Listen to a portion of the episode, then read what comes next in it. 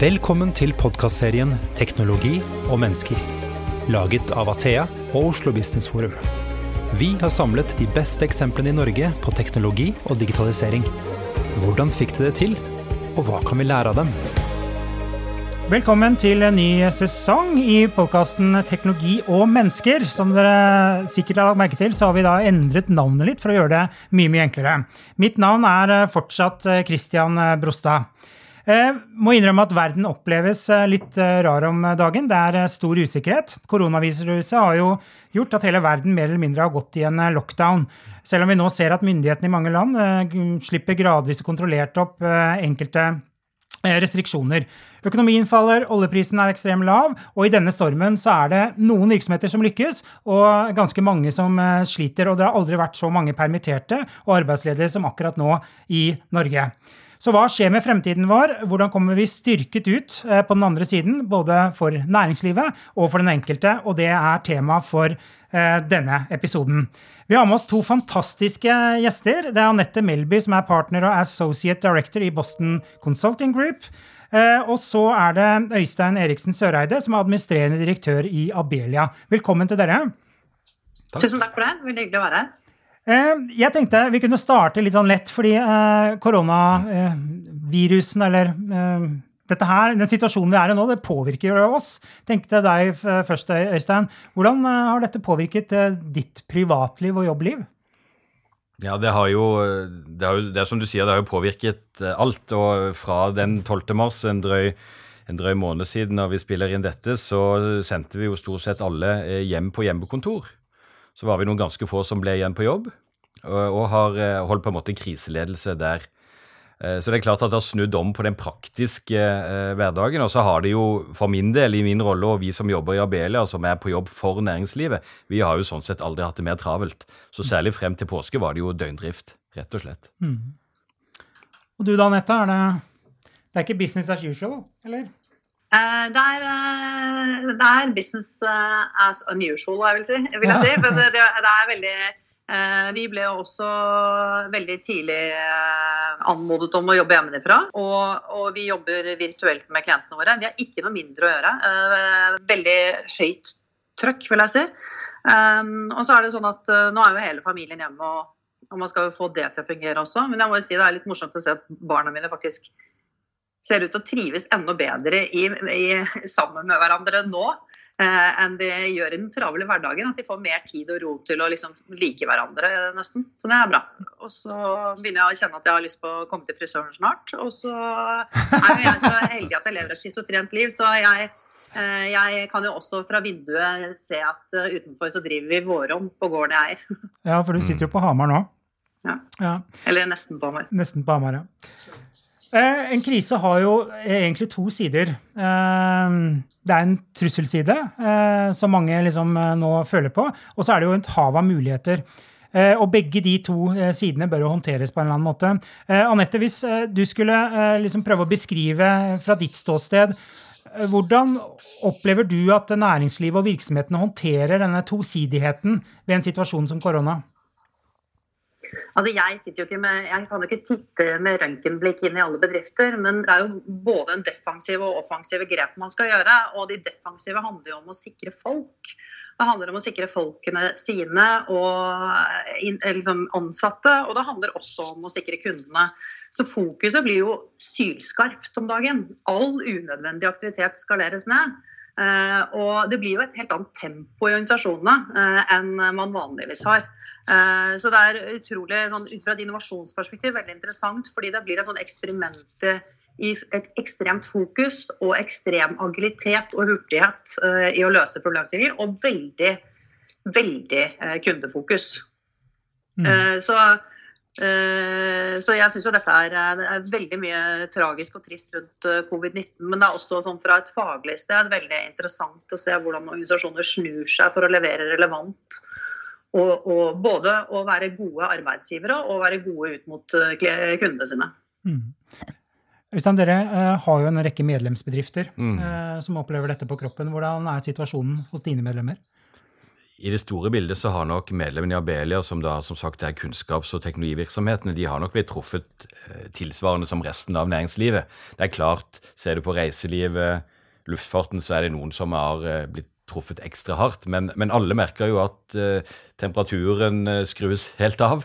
At plutselig var det stille uh, mens de faste kostnadene går. Så det er klart at den der grunnmuren med, med, altså, som handler om likviditet, f.eks., den måtte vi jo også hos oss jobbe med fra dag én. Og jeg kjenner meg igjen, veldig igjen i det Anette sier om tempo. Mm. Også i altså, påvirkningsprosessene. Det ble jobbet døgndrift på i regjering og storting, og vi er jo tett på det. og, må, og måtte, altså, påvirkningsprosesser som kanskje tar et, eh, en tre måneder ellers, eh, skulle vi nå gjøre på tre dager. Mm. Men det er mye god energi også i det. da. Mm. Er det sunt at det kommer sånne kriser av og til? Føler dere det? Jeg tenker jo at akkurat denne krisen her vil man jo kanskje ikke at skal komme så ofte.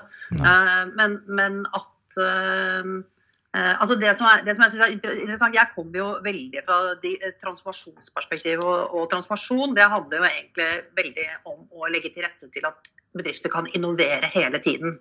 Uh, allerede i forkant av kundens behov. Og fra det perspektivet så vil jeg jo si at, at veldig mange bedrifter har liksom lekt litt med transformasjon. En del har kommet godt i gang.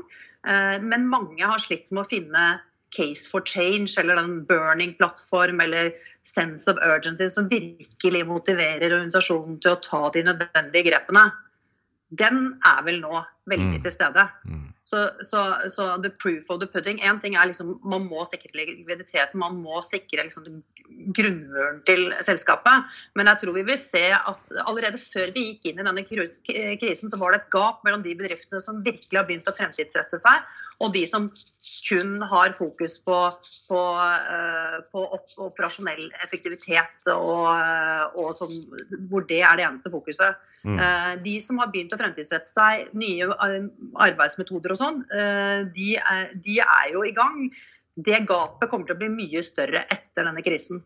Det kommer til å være de selskapene som benytter denne krisen til en burning plattform og til å endre måter å jobbe på, jobbe mer agilt, smidig, eh, jobbe med nye forretningsmodeller. Og det kommer til å være de som ikke eh, gjør det. Og de tror jeg kommer til å få noen utfordringer. Mm. Jeg tror heller ikke at vi, vi ønsker oss denne type alvorlige krise veldig ofte.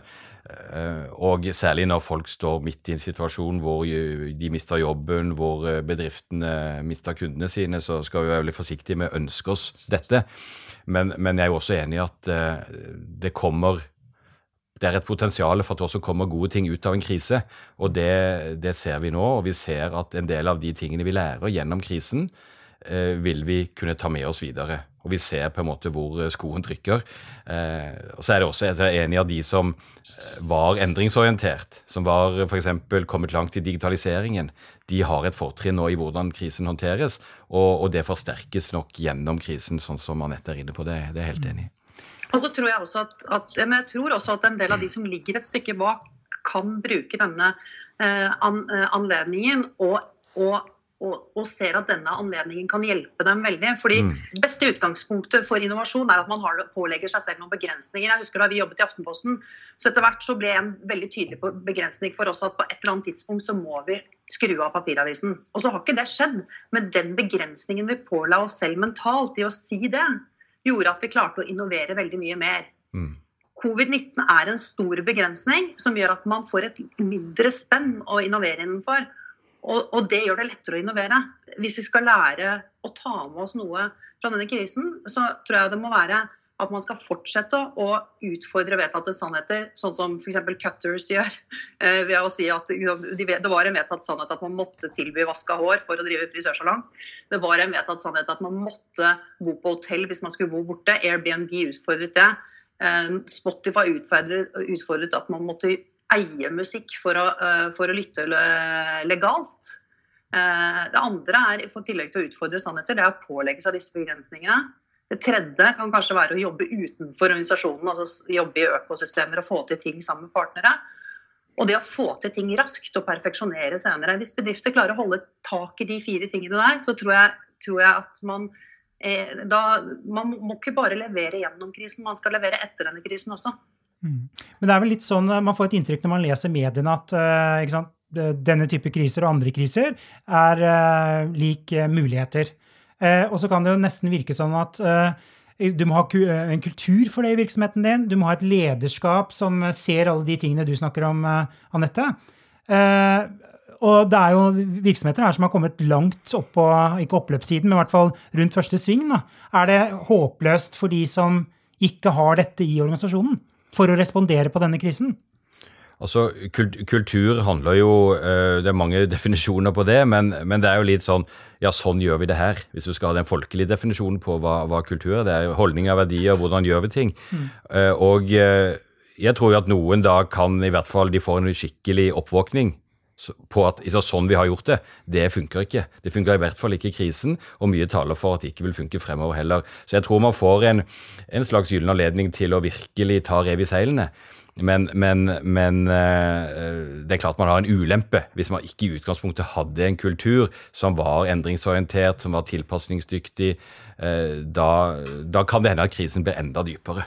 Så, ja. Jeg er enig. Og så tenker jeg at kanskje tre, Hvis man skal liksom eh, analysere det, så er det kanskje tre, tre ulike segmenter. Det er de som allerede liksom har kommet langt i å modne kulturen i selskapet og fått det mindset-skiftet inn i organisasjonene. Og så er det de som ikke, eh, ikke, har klart det, men som ved hjelp av denne krisen kommer til å klare det. Mm. Og så er det de som ikke, eh, ikke kommer til å klare det av, av ulike årsaker. Kanskje fordi de, de ikke har nok entreprenørgen høyt oppe i organisasjonen, eller ja, ikke har de kapabilitetene, digitale kapabilitetene som må til. Så har du jo dette med kunde, kundeorienteringen eller kundefokus. og jeg, jeg tenker at det er iallfall noe vi ser veldig tydelig hos oss. Nå er jo vi en organisasjon ikke en tradisjonell bedrift, men vi er, vi er til for noen medlemmer. Når vi da plutselig er i en situasjon hvor det er eh, kanskje unaturlig å f.eks. drive veldig aktiv salgs- og rekrutteringsarbeid av nye medlemmer, så blir det desto viktigere for oss å ta vare på de vi har. Holde fast på kundene. Eh, og, eh, og, det er jo en eh, ekstremt god lærdom i, i dette, at vi må, vi må, spørre kundene ja, hva trenger dere. Det må vi alltid spørre dem om, men hva, hva trenger dere nå?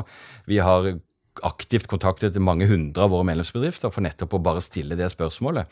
Nå skjønner vi det er vanskelig. Hva trenger dere at Abelia tar fatt i? Mm. Eh, og det har vi, vi ser jo at det bygger en ekstremt eh, sterk relasjon og en lojalitet som vi tror vi vil ha gjensidig glede av, av fremover. Mm. Så de kundeorienterte bedriftene blir enda, en, forhåpentligvis enda mer kundeorienterte gjennom dette. Mm. Ja, jeg, jeg, tror at, eh, jeg, tror at, de organisasjonene som ser dette som en mulighet til virkelig å forstå kundens behov og kundens pain points og, eh, og hvordan de kan være relevante fra kunden, vil komme veldig styrket ut av det. Vi mm. ser jo i BCG at de aller, aller mest digitalt modne selskapene de er ikke kundeorientert. De er kundeobsessed. De, virkelig, de setter kunden i sentrum for alle valg. Og det er veldig mange gode grunner til at det er viktig å gjøre i en tid hvor teknologiendringene skjer så hurtig som de eh, skjer nå, og i en tid hvor, hvor omgivelsene er så uforutsigbare som de er nå.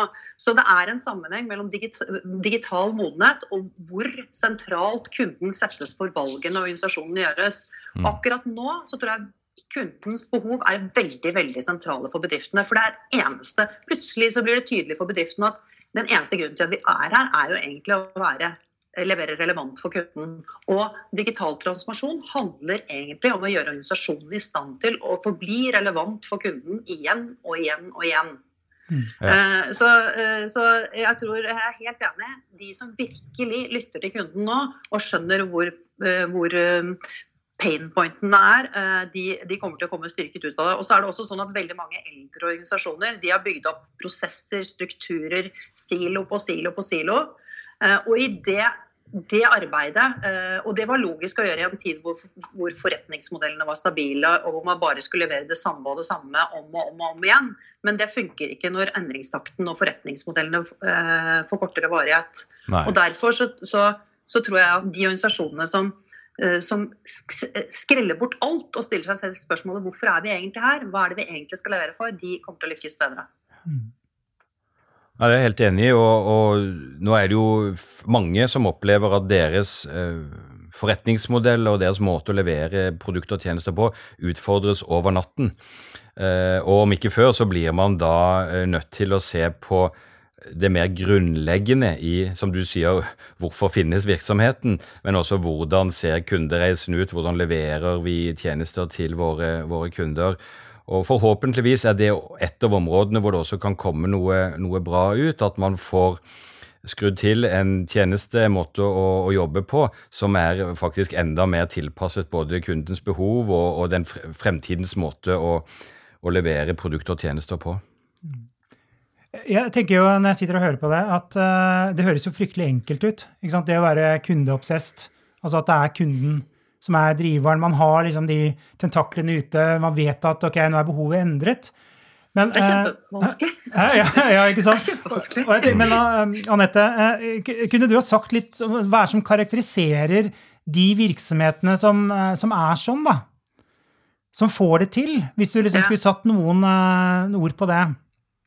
Ja, altså For det første så har de en strategi som er drevet av kunden eh, og kundebehovene. Altså Allerede der oppe så har de tatt noen beslutninger om hva er sentralt i vår bedrift. Jo, det er å svare på kundens behov. Eh, de har KPI-er og delte mål, for delte mål er viktig. Ikke minst for organisasjoner som kommer fra silokulturer. Eh, ofte så er organisasjoner liksom motstridende mål, eller mål som ikke insentiverer til samarbeid på tvers. Delte mål kjennetegner ofte de bedriftene som er veldig kundesentrerte. Og så handler det om alle de tingene som går på go to market, hva du går i markedet med. Eh, alt fra produktene dine til kundereisene osv. Og så handler det om hvordan du jobber med insekt, brukerinsekt. Det handler om hvordan du jobber med data. Det handler om uh, nye måter å jobbe på. Det vi vet er at det er helt umulig å lage gode kundereiser i en silodrevet bedrift. For siloene reflekteres i kundereisene. Mm. mm. Så de jobber i kryssfunksjonelle team og med nye arbeidsmetoder. Og så har de én infrastruktur som gir datainfrastruktur som gir ett enkelt bilde på kunden. Og det siste det er at de jobber ut i økosystemet for å løse problemene enda mer friksjonsfritt. Altså ikke bare sikre at egen kundereise er friksjonsfritt, men sikre at uh, det som ligger i forkant av det som skjer i din kundereise, er integrert, og det som skjer i etterkant av det som for eksempel, I eksempel, da, dette har jeg sagt flere ganger, men jeg sitter nå og ser ut på hagen min, og jeg har jo en, har jo en stor gård med en veldig stor hage. Jeg kunne jo egentlig, fremfor å hente en plante på Ikea, så kunne jeg tenkt meg en hage. Mm. Kan ikke plantasjen eh, Nei, fremfor å hente en ny eh, plante på eh, plantasjen, så, så, kunne jeg tenke meg at jeg ville ha garden as a service, da, snarere. Hvis du mm. skjønner. Mm. Og da hadde jeg følt at de skjønte mine behov. Mm. Eh, og så er det ikke sikkert at den forretningsmodellen er så enkel som jeg sier det, men i veldig mange sammenhenger. Det vi ser Airbnb gjøre, f.eks. De startet bare med å tilby overnatting. Nå tilbyr de også opplevelser. De legger på mer i forkant og etterkant. Og de eh, gründerne sier at verdien, nei, målet deres det er å ta hele kundeverdikjeden. Ikke bare egen kundereise. Hele kundeverdikjeden. Og det tror jeg vi kommer til å se. For det, nå handler det om å fjerne friksjon i, i hele kundereisen og gjøre det enkelt og convenient for folk. Mm. Eh, har, eh, eh, dere har jo fulgt med litt på hva som skjer eh, i disse tider. Eh, har dere noen eksempel på, eller har, liksom, har, dere sett noen eksempler på virksomheter som liksom får dette til, og som evner å håndtere det kortsiktige, men også kan snu seg og håndtere det langsiktige? Ja, jeg, har, eh, altså, jeg syns jo vi ser en hel del eksempler. Altså, det ene er at det finnes selvfølgelig virksomheter som nå virkelig er eh, med riktig eh, produkt og tjeneste på riktig tid. ikke sant? Altså de, de går, Noe som går rett inn i, i det vi trenger nå. F.eks. digitale samhandlingsløsninger osv. Som, som jo selvfølgelig treffer eh, veldig bra. Og Vi ser jo eksempler på, på, bedrifter som da også strekker seg litt ekstra langt frempå. Sier at eh, ok, nå har, nå har, vi lyst til å by på vårt produkt. Vi har lyst til at, å gi mange muligheten til å prøve det. Eksempelvis Microsoft med Teams, ikke sant? Som, som kan være kanskje det aller mest kjente eksempelet på, på det. Men altså andre, andre, aktører innenfor EdTech, eh, It's Learning, Enkel eksamen, Cyberbook, hva de heter, som liksom har tenkt litt på, på samme måte. Eh, det kan være innen helsevesen, ikke minst, som vi har vært veldig opptatt av fra, fra vår kant, hvor vi ser at eh, man var dessverre forferdelig lite forberedt, også på infrastruktursiden kan være bedrifter som, som bidrar der. Og så har vi Nyby, f.eks., som, som legger til rette en plattform der organisasjoner og kommuner kan beskrive hvilke utfordringer og behov de har og ser, og så kan frivillige og andre bidra inn. Så så jeg syns vi ser mange gode eksempler. Så har du Telenor, da, et stort eksempel på en virksomhet som allerede før krisen var veldig opptatt av å bygge kompetanse hos sine ansatte, men som nå forsterker det og sier at nå har vi en mulighet til å ta enda noen løft der ikke sant, og investere mye i det. Så mm. jeg syns det finnes flere interessante eksempler. Absolutt. Ja, Det er jo liksom gøy Annette, når du ser at uh, hjemleveringer, altså man endrer distribusjonen. Jeg så også at uh, en del av de uh, som leverer til disse gourmetrestaurantene, ikke får solgt det lenger fordi restaurantene er, uh, er stengt. Mm. Og så åpner de nettløsninger som gjør det mulig for, for, for privatpersoner da, mm. å bestille. Så det er jo liksom uh, Selv om dette er en liksom, kjip og Eh, vi ville jo vært foruten denne krisen, så mm. dukker det opp disse små eksemplene. da. Det gjør det. Altså, Kriser gir en, genererer masse energi, eh, og brukt riktig så er jo det en enorm kilde til innovasjon. Eh, så, så jeg håper jo Jeg tror at fremtidens innovasjonsledere de blir født nå.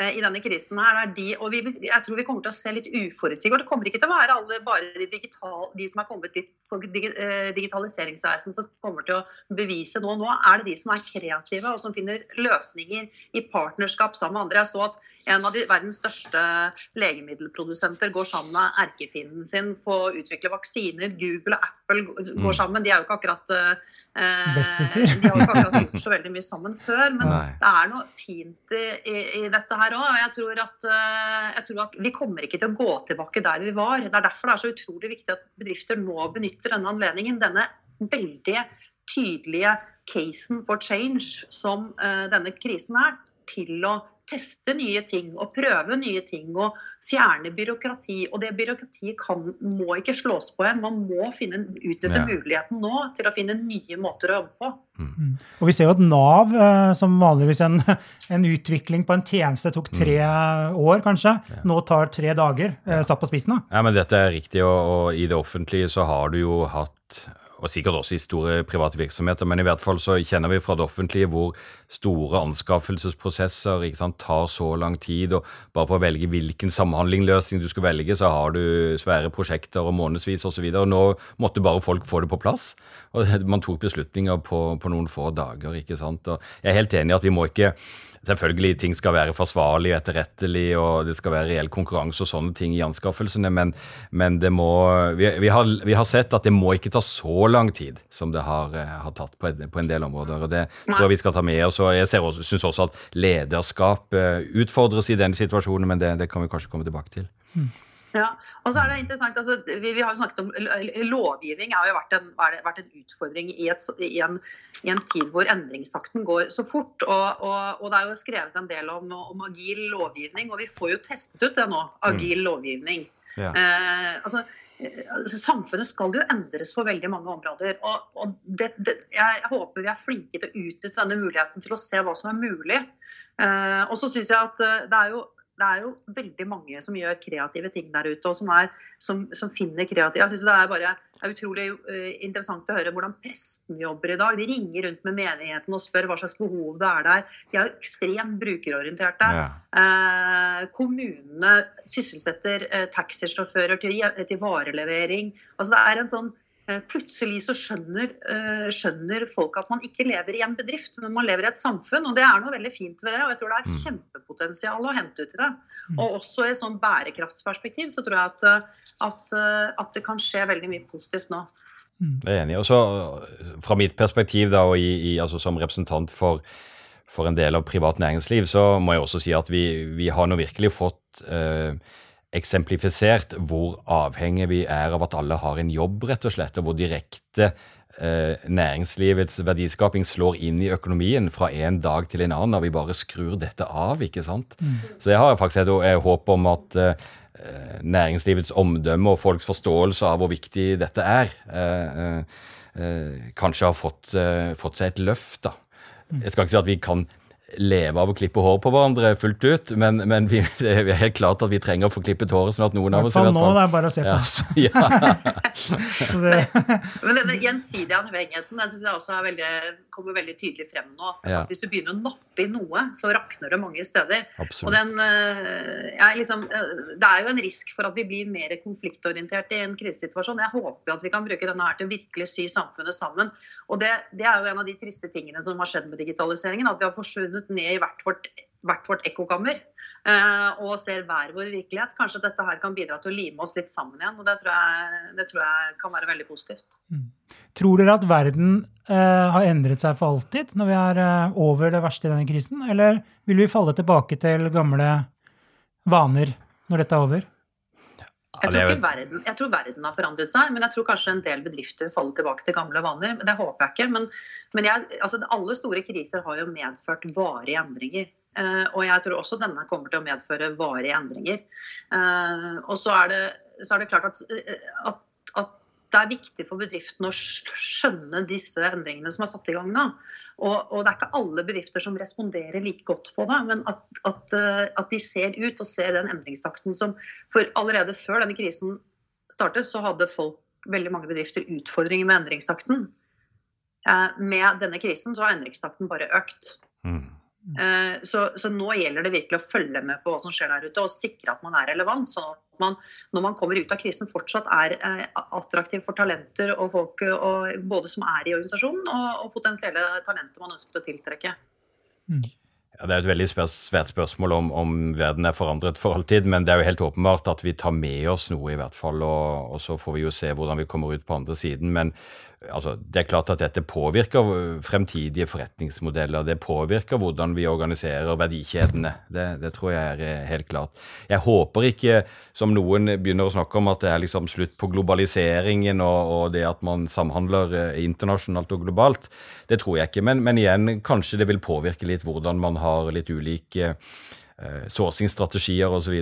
For, å, for å være mer robust. Og jeg tror i det hele tatt det med å altså, vi har lært at en krise kan komme så brått, og vi kan være så uforberedt. Så ba, altså bare det å ha gode beredskapsplaner, og faktisk at også beredskap, særlig helserelatert beredskap, kan også by på en del kall det nye forretningsmuligheter. Det, det, tror jeg jo også.